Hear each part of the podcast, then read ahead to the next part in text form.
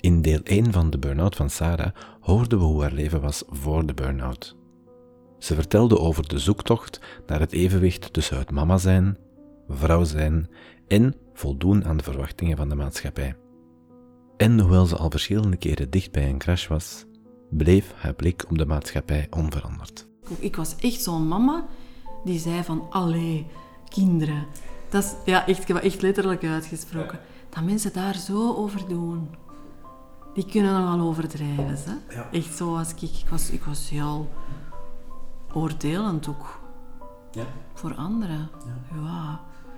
Als iemand een depressie had, eh, een vriendin van mij had een, een depressie, heb ik letterlijk tegen Gert gezegd van, allee, onmogelijk. Ja. Kijk uit het raam, de zon schijnt. Hè? Dat. En dat ik daarna denk van, amai, hoe... Ja, de- hoe oppervlakkig dat je kunt zijn. Omdat je dat zelf niet gevoeld hebt. Dit is de burn-out van Sarah, deel 2.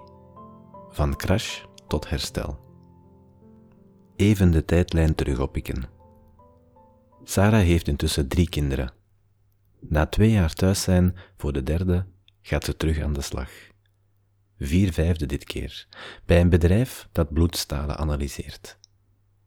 En ook hier komt ze weer in aanraking met omkoping, maar vooral met haar eigen grenzen. Ze moet een team leiden en merkt dat dat niet lukt. Ook de bezoeken aan artsen vergen veel van haar. Ja, gewoon echt schrik hebben dat ze, dat dat gingen doorhebben van... Daar klopt iets niet met die Sarah, want die, die kan eigenlijk niet wat ze gezegd heeft dat ze, dat ze kan. En het is toen dat ik paniekaanvallen ben beginnen krijgen. Dus ik kreeg, zo, ik kreeg echt angst, ja, om, om, om door de man te vallen, denk ik. Plus dan... En hadden ze dat door? Nee, niemand had dat Ook die door. artsen hadden Niemand had dat Niemand door. heeft dat benoemd. dat Niemand heeft dat benoemd. Dat was gewoon... Ik voel me niet goed. Ja. Ah, ik voel me nu ineens niet goed, zeg. Allee. ja. En eh, ondertussen was er dan ook het En hadden dat, dat zelf eigenlijk door? Nee, je, Nee. je hebt dat niet hoor, dat is heel raar. Je beseft wel van, mij mijn lichaam doet raar. Maar dat reageert hier. Hè? Dan denkt je, ja, ik rij naar huis, ik rust wat, neem een Navalgan. en, eh, en je gaat er terug tegenaan. Hè? Je beseft dat niet. Ik zeg het, je zit, je zit in een roes, je zit zo in een... Ja, die, die, die, die jaren zijn gewoon jaren van niet bewustzijn geweest. Van gewoon, ik moet zorgen dat, ik dat, dat dat hier lukt. Want iedereen... Ik had weer gezegd dat ik daar vijf jaar ging werken. Ja, maar nu echt, hè. Maar nu echt, hè. En dan zo mensen al... Ja, ja, het zal zijn. En is dat niet te veel, vier, vijf? Nee, nee, nee, nu echt. Nu ga ik echt gewoon doen wat iedereen van mij verwacht. En je gaat zien dat gaat lukken. Zo heb ik je dat weer verkocht, ook thuis. Ondertussen hebben we een bouwgrond gekocht. Die, je gewacht totdat ik dan uiteindelijk terug ging werken, dat ik een vast contract heb om een lening af te sluiten. Dus vanaf het moment dat ik daar getekend heb, zijn wij, hebben deze grond gekocht. Dus die druk, als ik daar nog aan denk, denk ik, wat, wat, wat doen wij al, wat doen wij al aan in, in het leven? Dat is eigenlijk maf. En die, die, die, eh, die paniekaanvallen zijn dan erger en erger geworden. En ehm, tot op een gegeven moment dat ik dat niet meer kon wegsteken. En dan ben ik ja, in juni... Zijn die zo hevig geworden dat ik naar een dokter ben gegaan. En dat ik dan eh, een kalmeringsmiddeltje heb gekregen. Heel straf. Dat werkte keigoed. Dus ik nam dat gewoon dagelijks. Je mocht dat normaal maar vijf keer nemen. Of je zit eraan verslaafd. Ik nam dat dagelijks. De dokter had gezegd, ja, wel oppassen, hè, want het is wel straf en verslavend. Maar ik dacht, ja, zo'n klein rood pilletje. Dus ik stond op, ik nam dat. Maar je moet niet vragen. Allee, je mocht daar niet met je auto rijden. Ik wist dat allemaal niet, hè. Dus ik dacht, dat zat in mijn zak. Ik weet dat nog keigoed. En nu kan er mij niks overkomen. Ik heb die pilletjes bij. En eh, ik ben safe. Die zaten zo in mijn, in mijn zak in het werk. Ik dacht, oh, niemand mag dat zien. En ik nam, nam dan al eens een halfje meer.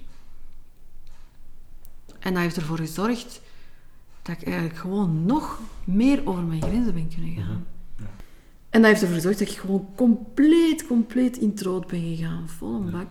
Omdat ik ten eerste mijn eigen niet aan het voorliegen was. Ik was hun niet aan het voorliegen. Ik was mijn gezin aan het verwaarlozen. Want die ochtenden, dat, waren gewoon, dat was hel. Dat was s'avonds te moe om je huishouden te doen. En 's morgens op zoek gaan naar twee, verschillende, naar twee dezelfde sokken. Eh, roepen op die kinderen. Hysterisch worden zelfs. Ik moet jou weg. Allee, zo dat. Je kinderen in een auto gooien, bij wijze van spreken. Dan uw parcours naar school. Allee, zo tien. Ik was gewoon een zo tien. Ik, heb er geen, ik zie dat nog bij mama's. Ik haal ze er zo uit. Ik denk rustig, ademt. De combinatie van pillen en op alle fronten stress kan niet lang blijven duren. Ja, ik ben op een gegeven moment gewoon in de auto gewoon volledig geflipt. Ja. Ik heb eh, een, een, een mega paniekaanval gehad. En dat is een, een buiten mezelf ervaring geweest. Ik ben met een auto rond aan het rijden geweest, maar dat was ik precies niet. Vol een bak in paniek. Alsof dat je, ja, moet je voorstellen, ik denk dat dat is alsof dat er iets heel erg gebeurt. Ja. Dus dat is dezelfde als die fight and flight. Maar dat, bij mij was het dan flight echt. Ik, ben echt. ik heb de kinderen naar school gebracht, ik heb die een aanval gekregen met gevlucht in een auto. Ik denk, als je me toen gefilmd had, ik was gewoon gek. Dat was gewoon, ah, dat weg. Allee, zo echt als een, als een halve jaar. Ik heb nog juist mijn huis bereikt. Ik heb mijn auto daar neergezwierd, fout geparkeerd. Ik ben naar boven gegaan, ik ben pff, neergevallen. Ja. Volledig, volledig doorgedraaid. En dat was het. Einde verhaal. En dat is niet één ding dat hij heeft. Dat is gewoon de opbouw van. opbouw. Het is gewoon een opbouw van. Het is niet één ding dat dat Ja, heeft veroorzaakt. eh, dat is uiteindelijk, in heel die fase vooraf, had ik eigenlijk al constant, hapte ik constant naar adem, letterlijk. Je, kunt eigenlijk het leven niet meer volgen, ik kon dat niet meer volgen. Dus ik ben eigenlijk chronisch beginnen hyperventileren. Ehm, ik had ook al wat paniekaanvallen in de nacht, dat ik zo wakker schoot en zo dacht van, nu ben ik eraan. En dan die paniekaanvallen in de dag en die gejaagdheid constant. Van uw kinderen weg te doen en s'avonds. en dan- Dat maakt eigenlijk dat er in een lichamelijk systeem is, met die hyperventilatie en, en die ademhaling, dat je eigenlijk constant in, eh, iemand noemde dat, standje alarm staat. Dus dat je eigenlijk constant alert van, moet, als er iets gebeurt, dan zit je weg. En zo heel de tijd. Maar aan een duur, op een duur zijn gewoon een tikkende bom. Hè? Dus dat is niet dat op die dag iets speciaal gebeurd is. Maar dat was gewoon op, het was gewoon klaar. Het was gewoon gedaan. De- mijn, mijn bom is toen ontploft en mijn, mijn lichaam is toen beginnen beven en dat heeft twee jaar gebeefd. zeg, onlangs heb ik dat beschreven als eh, hoe harder dat je aan een snaar trekt, hoe langer dat je Ja. natrilt. Hè. Gewoon twee jaar blijven trillen. Trrr, zo. De crash is een feit. Sarah is leeg. Ik vraag haar wat ze nog weet van de momenten direct na de crash. Ik ga er trouwens verkeerdelijk van uit dat de diagnose burn-out al heel snel valt. Maar goed, terug naar het gevoel direct na de crash. Ik had eigenlijk heel weinig, weinig energie om met de wereld bezig te zijn. ja. Ehm, de eerste twee maanden hè, was dat gewoon. Ik had alleen nog maar energie om mijn eigen in leven te houden. Niet meer. Ik had geen energie voor de kinderen, ik had geen energie voor Geert, ik had ook geen energie om, om dat uit te leggen. Ik wist, want ik wist niet wat er met mij aan de hand was. En ja, de kinderen zijn ook weggegaan. Hè? Dus ik heb Ja. twee maanden niet voor de kinderen gezorgd. Hè? Het enige wat ik, waar ik eh, merkte, is dat mijn omgeving in paniek was. Ja. En ja, dat wil ik iedereen wel afraden eigenlijk. Want dat is eigenlijk hetzelfde als gewoon voorop wordt gereden met een auto. En iedereen staat nu, oh maar dat is keihard, dat is keihard, oh maar ja, dat gaat rijden. Hè? Dan moet je ook rustig blijven. Hè? Dan zeg je, ja, maar het komt wel goed en we gaan naar het ziekenhuis. En dat is eigenlijk hetzelfde met mijn mentale instorting. Hè? Dan zou eigenlijk ook iemand naast u moeten komen zitten en zeggen van... Het is oké, komt wel goed. Maar dat deed niemand. Iedereen is, is beginnen panikeren van wat, wat, is er met, wat is er aan de hand? En die kinderen moeten opgevangen worden. En, en ja, ik deed ook alles. alles, alles, alles. Ja, ja alles moet overgenomen worden. Ja, alles moest overgenomen worden. Dat, zijn, dat is ook de moment dat mijn ogen open gingen van, maar ik deed echt wel veel, hè. Allee, ineens waren er schema's voor naar school te brengen, voor te wassen, voor te koken, voor naar de winkel te gaan. Uh, mijn zus, mijn schoonouders, dat was een heel, een heel ding dat daar werd uitgeschreven. Alles wat ik alleen deed. Ja. Hè? Deden zij ineens met vijf. Dat ik dacht van, mij, ik heb me eigenlijk wel goed gedaan. Dat is ook de eerste keer dat ik besefte van, ik heb gewoon te veel gedaan. Maar ja, mijn omgeving wist gewoon niet wat er aan de hand was. Dat was zo heftig dat die... Ik, ik, ik durfde de confrontatie ook niet aan met mensen. Ik wou niet dat mensen mij zo zagen. Letterlijk? Letterlijk. Is dat letterlijk echt, echt door je hoofd gegaan? Van ik wil nu dat mensen mij niet zien. Ah ja, ik tuurlijk. wil geen mensen zien. Ik heb, mijn, ik heb als mijn ook eens naar beneden gestuurd. heeft daar ook een trauma van. Dat hij naar mij kwam en dat ik dacht van... Ze begin ik hier te trillen en, en, en dat ik zei van... Alsjeblieft naar beneden gaan, Mario. En dat hij zo tegen pap zei, mama heeft mij weggestuurd. Maar ik wou niet dat hij zo een, een, een waanzinnige, gekke moeder ineens zagen. Ja. Ook naar, naar mijn ouders toe. Ik, ik, wij zijn thuis niet gewoon van bij elkaar te wenen, bijvoorbeeld. Mijn mama was altijd heel zorgend en, en kei liefdevol. Maar niet in de zin van dat wij elkaar vastpakten en dat ik daar ging huilen of zo. Dat was meer was op een andere manier. Ik heb me altijd wel geliefd gevoeld, maar niet, Dus ik dacht altijd, als die kwamen, dan hield ik me sterk. Ook omdat ik schrik had voor hun reactie. Want als je daar ineens je mama ziet breken voor je neus, terwijl dat je zelf één groot wrak zei, dat kon ik niet aan. Ik kon dat niet aan. Om dan nog eens hun verdriet erbij te zien. Dus ik had zoiets van, mannen, laat me allemaal gewoon gerust. Ik heb me echt opgesloten in mijn kamer. Ja, letterlijk. Uiteindelijk ben ik uh, na zes maanden naar een uh, erkende psycholoog geweest. Dat was een vrouw in Duffel. En daar is het woord burn-out gevallen. Ja. En uh, dat was ah, een burn-out. Daar heb ik al wel eens van gehoord, ja. En dan begin je dat zo op te zoeken. En dan ben ik in groepen beland, online en zo. Ik heb veel mensen. En, en ik voelde ineens zoiets van, ja, dat klopt wel. Dat klopt wel allemaal. Maar wat ik niet terugvond bij die mensen, waren die angsten. Ja. Mhm. Eh, dus overal las ik van, ja, je moet terug leuke dingen gaan doen. En, en doen wat, wat, dat je, um, waar dat je blij van wordt. En ik dacht, maar man, ik durf mijn naast niet uit. Mhm. Dus dat, was, dat is voor mij heel lang een raadsel gebleven. Van, wat heb ik nu eigenlijk? Oké, ik, ik heb een burn-out, maar dit is niet gewoon een zuiver een burn-out. Mhm. Sarah gaat op zoek. Ze leest en leert heel veel over burn-out. Um, je hebt sowieso fases hè, in burn-out. Hè. Je hebt mensen die um, zoiets hebben van, ik heb een burn-out en ik, kan, ik, het gaat ineens niet meer. Mhm. Maar die dan zich heel snel herpakken en merken van, ah ja, maar dat en dat en dat zijn de factoren als ik dat aanpak. Hè. Je hebt mensen die een stap verder gaan en, en echt wel een heel zwaardere periode doorgaan, die dan ja, echt volledig blokkeren, niet meer kunnen denken, niet meer kunnen lezen.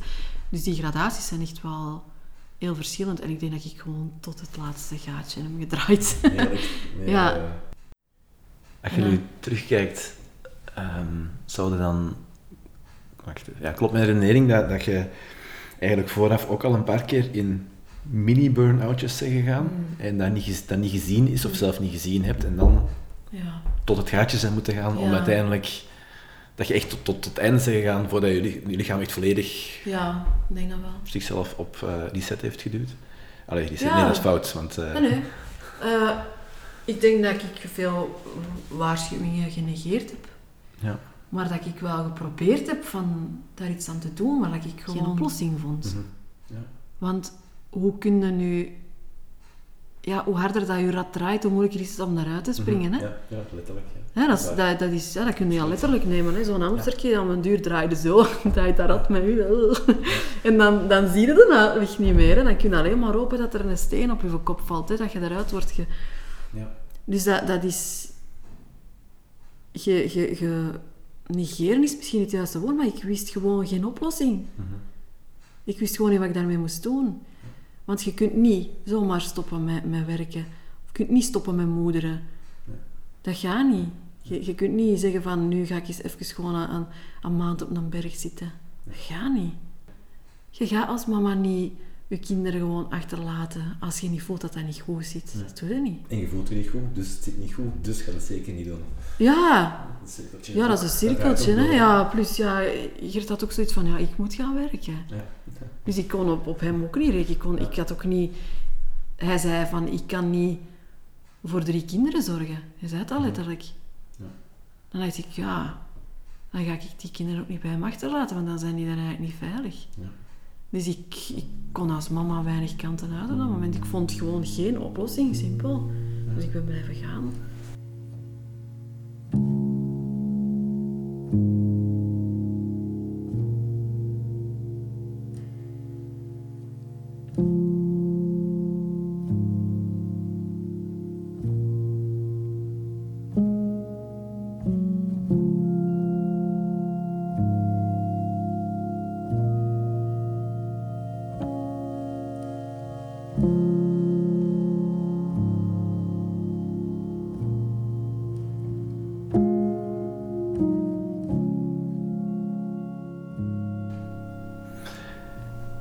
Je dat ooit gewenst? Van, ik zou willen dat alles nu stopt. En dan heb ik het niet over zelfdoding of zo, maar nee, gewoon van, nu, ik zou willen dat nu even alles gewoon stopt, dat op pauze wordt gezet. Jawel, ja, dat wel. Ja. Ik heb... eh Amai, dat is de eerste keer dat iemand dat vraagt. Ehm, ik weet nog dat ik met, met, de, met de middelste in het ziekenhuis ben beland, omdat hij uitgedroogd was. En ik heb daar een week gelegen, dat was in Brugge, want ik was toen met mijn ouders op bezoek. En dat was mijn uitzicht, we lagen op bovenste. Hè. En ik dacht, ah, oké, dat doet deugd, zo'n week. Nu mag ik eindelijk, heb ik een reden om niet meer te moeten doorgaan. Ja. Ik heb toen zelfs een brief geschreven, denk ik. Maar heel verwijtend naar mezelf toe, zo. Zo heel streng van, alleen nu moet je in het ziekenhuis belanden om te beseffen dat dat, dat, dat, dat. Maar dat ik toen echt het gevoel had van, het mag. Ik heb een reden, want mijn kind ligt in het ziekenhuis. Dus het is oké. Naar de opdrachtgevers. Doe maar rustig, Sarah. Dat is, eh, het belangrijkste. Daarna kom je daaruit en doe je gewoon voort. Ja, oké. Ja. Ja. Ja. Ja, ik heb wel vaak gedacht van... Ik heb ook momenten gehad dat ik dacht van... Laat me maar gewoon slapen. Gewoon niks voelen. Mm. Zelfdoding is een groot woord. Ik heb, daar wel, ik heb wel momenten gehad... Na een tweede dat ik echt dacht van... Door die gedachte dat ik ook weet dat ik een postnataal depressie heb gehad, denk ik. Dat ik mij met mijn armen stond... En dat ik, we hadden zo nog wel een hoge trap. En dat ik dacht... Als ik hier nu gewoon val... Mhm. Dan is alles voorbij. Ja. En dat is niet omdat je dood wilt, maar dat is omdat je rust wilt. Mhm. Ja. Dus ik heb dat waarschijnlijk onbewust wel heel hard gewenst. Ja. Ja.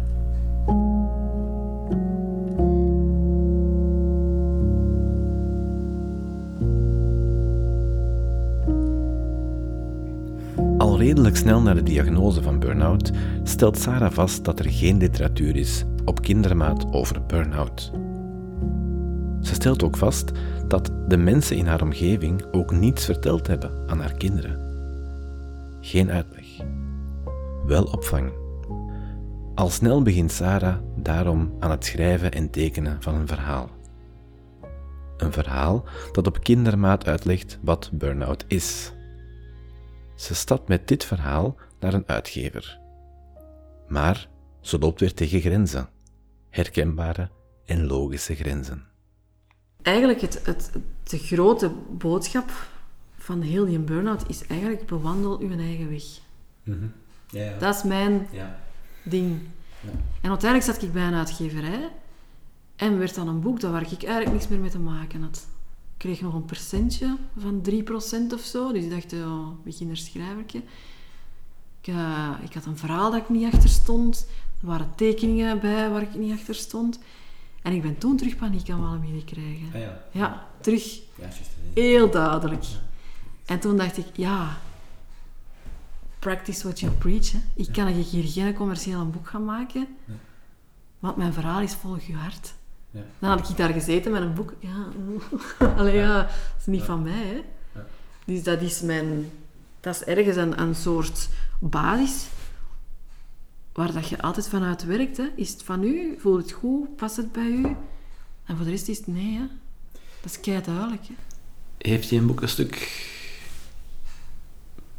zelfvertrouwen zit in mijn hoofd gegeven terug? Ja. Een stuk terug van ik kan iets, ik kan iets waar ik goed in ben en mensen vinden dat goed.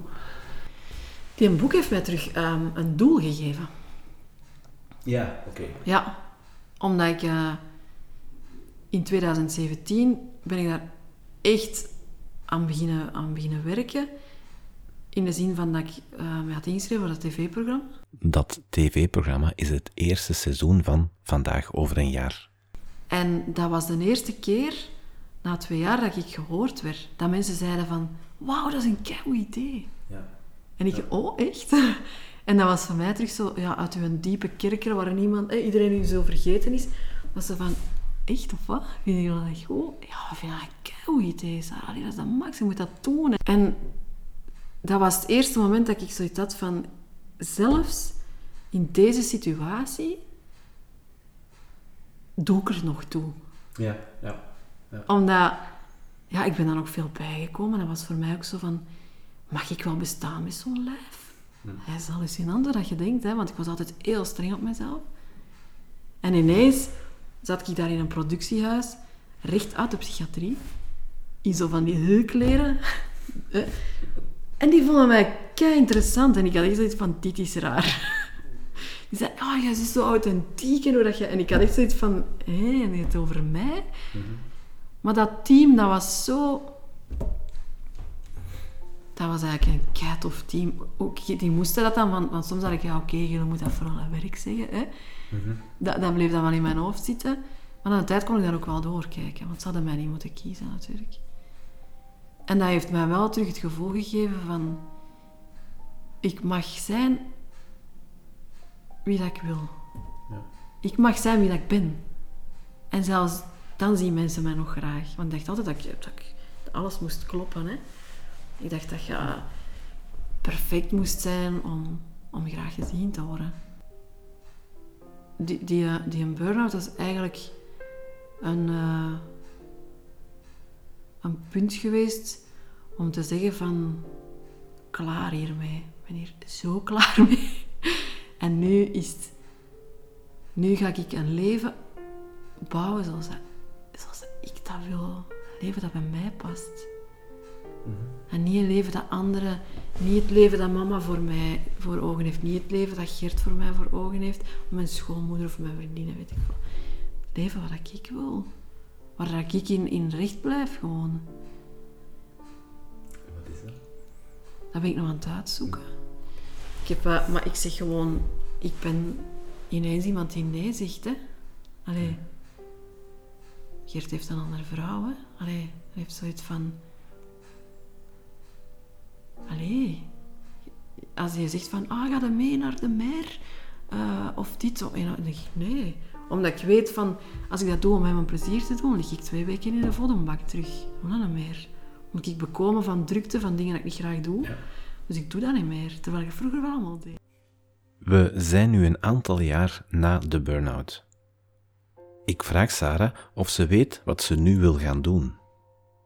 Ik weet vooral heel goed wat ik niet wil. dat is ook wel belangrijk. En eh, ik ben aan het uitzoeken wat dat wel kan. Want natuurlijk is er wel een realiteit. En, en heb je wel drie kinderen en moet er wel geld zijn. Dus je kunt moeilijk zeggen, ik ga mij in Noorwegen een hut kopen en ik ga naar het water staren. Gaat niet. Niet dat dat mijn ideale leven is, maar het komt toch in de buurt. Eh, dus dat is eigenlijk een beetje zoeken. Hè? Van hoe kunnen nu, met wie dat je op dit moment bent, toch een plaats vinden in een wereld die wel is zoals ze is. Ja. In de eerste aflevering zei Sarah dat ze nu regelmatig ouders ziet die over hun grenzen gaan. Heeft zij tips over hoe je deze mensen het best kan bereiken? Want je kunt ergens wel helpen, maar ook pas vanaf het moment dat er bewustzijn is. Anders kun je niks dat, doen. Ja. Je kunt niks doen. Want je kunt niet aan je ouders aan de schoolpoort zien met een gelijkaardig, of mama's, aan, of mama's papa's aan de schoolpoort zien met een gelijkaardig syndroom als jij had. Ja. Die gaan, Maar die gaan daarnaartoe kwaad als wij stappen, iets het, zeggen. voilà, het is dat. Ja. Het is dat, wat moet je er eigenlijk mee? Ja, waar moet je mee? Maar zelfs, ja, maar toch zijn die, die momenten dat iemand iets gezegd heeft, die, die herinnert je wel, hè? Ja, toch wel? Ja, toch wel. Als ik daar nu zo bij nadenk, dat je dan, ja, dat, dat doet wel iets met je. Het is niet dat je daar dan direct iets mee doet en direct een ander leven gaat leiden. Maar- het blijft wel belangrijk om dat te zeggen. Ja, eigenlijk wel. Eigenlijk wel. Ik doe dat wel, hè. Niet iemand dat ik niet ken, hè. Maar mensen die ik beter ken, gezinnen of zo, dat ik zeg van... Ik zie dat, ik heb dat ook gehad. Ik zou toch zien dat je... Dat je het niet te ver laat komen. Mhm. Want dat is geen aanrader, dat zeg ik dan. Allee, ja. En dan hebben ze wel zoiets van... Ja, ja, ik weet het wel. Met deze woorden wil ik Sarah haar gedeelte afsluiten. Blijf mensen aanspreken. Ook al doen ze er nu niets mee, als het moment daar is, kan het misschien juist wel een aanknopingspunt zijn. Ik heb, terwijl ik deze podcast maakte, veel geknipt. Van ruim twee uur naar vijftig minuten.